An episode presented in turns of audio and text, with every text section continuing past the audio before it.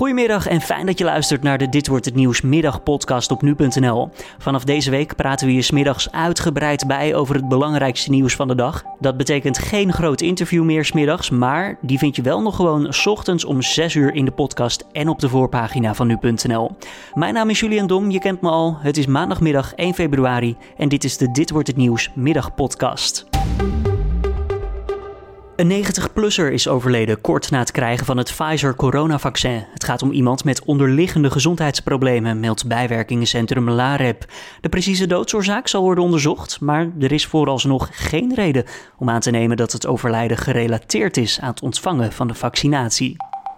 Een opmerkelijke onthulling over de zaak tegen Transavia-piloot Julio Poch. De piloot werd in 2009 aangehouden op verdenking van betrokkenheid aan de dodenvluchten tijdens het regime van de Argentijnse president Fidela. Het Koninklijk Huis was niet blij met de zaak tegen Poch. Dat blijkt uit het onderzoeksrapport dat vandaag is verschenen. Kringen rond het Koninklijk Huis hebben geprobeerd het onderzoek naar uh, Julio Poch te beïnvloeden. En ten tweede heeft de, de onderzoekcommissie vastgesteld dat de Nederlandse staat alle nationale en internationale regels heeft gevolgd als het gaat om de uitlevering van Poch aan Argentinië. Dat vertelt nu.nl-verslaggever Harm Edebotje. Mogelijke vervolging van Poch zou pijnlijk zijn voor koningin Maxima. Haar vader was landbouwminister tijdens het regime van de Argentijnse dictator Videla. Een andere belangrijke conclusie is dat toenmalig minister van Justitie Ernst Hiers Ballin geen persoonlijke opdracht heeft gegeven tot het onderzoek naar de piloot. Poch heeft acht jaar in voorarrest gezeten in Argentinië en uiteindelijk werd hij in 2017 volledig vrijgesproken.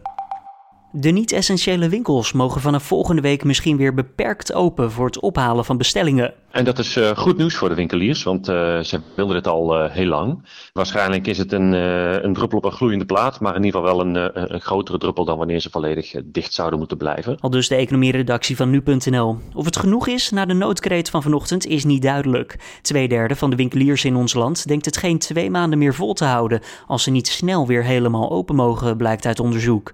Het scheelt de winkels in ieder geval wel in de bezorgkosten, want nu hoeft hun eigen personeel niet meer op pad met de pakketten.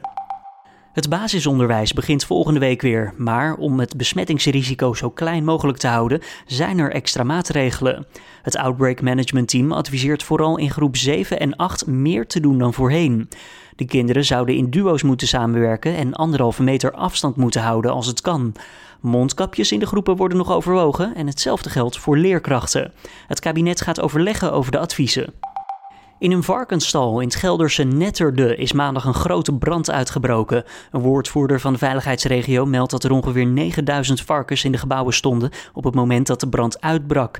Een aantal van hen is gered, maar het is onduidelijk hoeveel er nog binnen staan. De brand bevindt zich vermoedelijk in het plafond en het gaat om een complex met meerdere aan elkaar gebouwde schuren. De brandweer is druk bezig om het vuur te blussen en ervoor te zorgen dat het brand niet overslaat naar de andere schuren. New York, Boston en andere grote steden aan de Amerikaanse oostkust bereiden zich voor op een grote sneeuwstorm. Binnen een dag wordt meer dan 50 centimeter sneeuw verwacht. Naar verwachting zal New York tijdelijk lam liggen door de storm. Burgemeester Bill de Blasio heeft daarom noodmaatregelen genomen. We are not going to have in-person school. We will pivot to remote learning for all our students. Niet alleen scholen blijven gesloten, ook de vaccinatielocaties in de stad houden de deuren dicht. Wilde zwijnen en reeën die vluchten soms uit het bos vanwege loslopende honden. Een boswachter uit het Gelderse Lunteren roept daarom op om honden aangelijnd te houden. Zo liep Lutje Klok gisteren nog in het bos, maar zag daar geen wild, vertelt ze tegen Omroep Gelderland, tot ze thuis kwam. Daar liep namelijk een zwijn door haar straat. De boswachter benadrukt het belang van het aanlijnen van honden. Gewonde wilde dieren die het bos uitvluchten worden namelijk afgeschoten, omdat ze anders een gevaar kunnen vormen voor de mensen. Dan nog eventjes het weer van Weerplaza. Bewolkt, alleen in het noorden soms nog een zonnetje. In Groningen blijft de temperatuur hangen rond het vriespunt. En in het zuiden kan het zo'n 5 graden worden. Vannacht gaat het weer vriezen, dus morgen kan het wederom glad zijn. En de bewolking neemt morgen iets verder toe. Vanuit het zuidwesten volgt dan ook nog eens wat regen. En dit was dan de Dit wordt het nieuws middag podcast van deze maandag 1 februari. Tips of feedback zijn welkom. Wat vond je van deze ja, nieuwe vorm van de middagpodcast? Laat het even weten via podcast.nu.nl. Mijn naam is Julian Dom. Morgenochtend om 6 uur ben ik er weer. En dan, zoals gezegd, met wel een groot interview. We zullen het dan hebben over de aankomende persconferentie van demissionair premier Mark Rutte en minister van Volksgezondheid Hugo de Jonge. Tot morgenochtend en voor nu een hele fijne avond.